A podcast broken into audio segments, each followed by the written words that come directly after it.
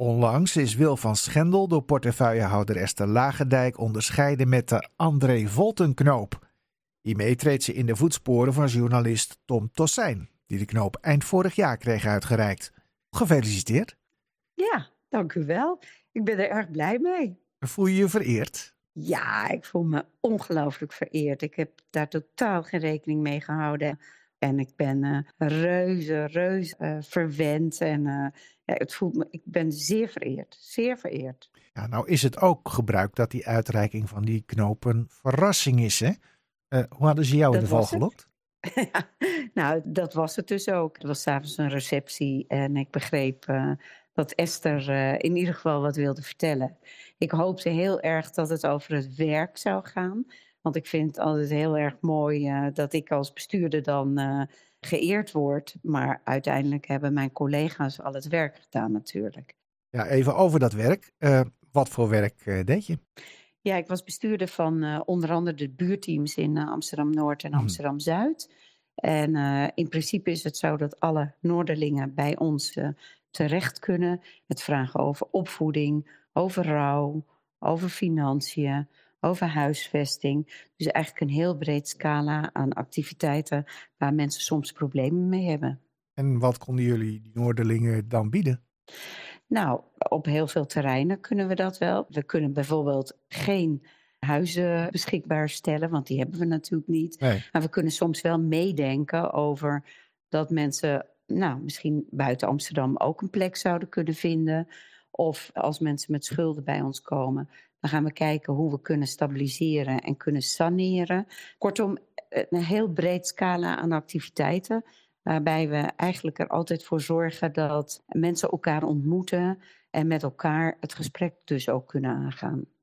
Maar dan krijg je ook vaak te maken met ja, de problemen die er hier in Noord eh, spelen. Nou, zeker. Hoe vind je dat Noord er op dit moment bij staat in vergelijking met vroeger?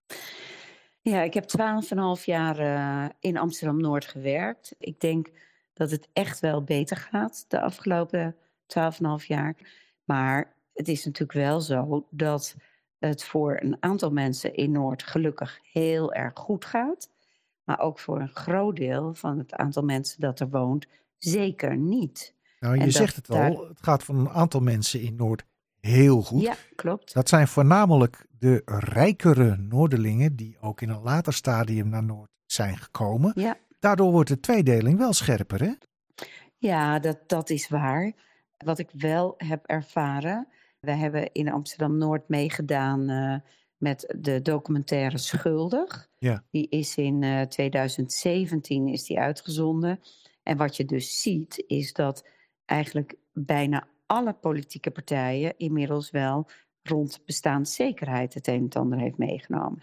Er is duidelijkheid gekomen over het feit dat kansen ook bepalen of je langer leeft of niet. En we weten nog steeds, als je de metrolijn een beetje volgt in Amsterdam, dat mensen in Amsterdam-Noord 10 tot 15 jaar korter leven.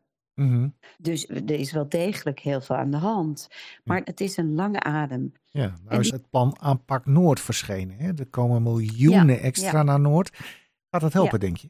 Nou, wat ik hoop is dat de autonomie van de Noorderlingen in ieder geval, en dat zit heel erg in de aanpak Noord.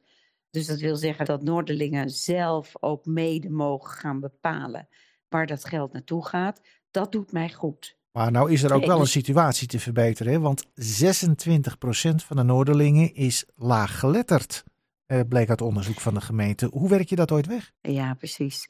Nou, ik weet bijvoorbeeld dat een aantal jaar geleden is ditzelfde onderzoek ook gedaan. En toen spraken we bijvoorbeeld over 52% laaggeletterdheid in de bannen. Die laaggeletterdheid speelt echt grote parten, want ook kinderen van deze mensen met een laaggeletterde achtergrond zullen ook op school weer in problemen komen. Dus ik denk dat het heel goed is dat we zeg maar onderaan de ladder beginnen, dat we het schoolsysteem dusdanig aanpakken dat het ook voor jongeren en voor kinderen straks optimalere kansen gaat geven. Maar het is bijvoorbeeld ook nog steeds zo dat systemen zijn zodanig ingericht dat voor die mensen die eigenlijk bijvoorbeeld toeslagen nodig hebben, daar zorgen we voor dat het heel ingewikkeld is. die moeten heel veel dingen invullen. Terwijl je dat eigenlijk aan mensen in de witte bubbel helemaal niet vraagt. Dus het, systeem is echt um, nou, aan verbetering toe, zou ik willen zeggen. Wat zou volgens jou dan een eerste stap zijn om dat systeem te verbeteren? Nou, ik denk in ieder geval dat we met elkaar eens moeten kijken hoe we het onderwijs op een andere manier kunnen gaan inrichten. Hoe kunnen we ervoor zorgen dat huizen beter geïsoleerd, beter bewoonbaar zijn? Hoe kunnen we er met elkaar voor zorgen dat werken ook loont? Dat huren van huizen niet zo hoog zijn. Dus het is echt een heel ziek systeem waarbij we met elkaar vanuit de witte bubbel ook eens helder moeten denken hoe het echt anders kan. Ja. Nou, je klinkt nog heel strijdbaar, maar bent u met pensioen? Nee. Eh, ga je op je lauweren rusten? Nee, zeker niet. Oh. Zeker niet. Nee, zeker niet. Kijk, ik heb 12,5 jaar uh, gewerkt in Noord. En uh, ik ben overtuigd van het feit dat ik wel weer een plek vind die nou, ook bij me past. Ik ben ook al heel erg verbonden met de doelgroep van gehandicapten. We hebben zelf een mhm. gehandicapt kind. Ik ben heel actief uh, als vertrouwenspersoon, als vrijwilliger voor 200 kleine zorgorganisaties.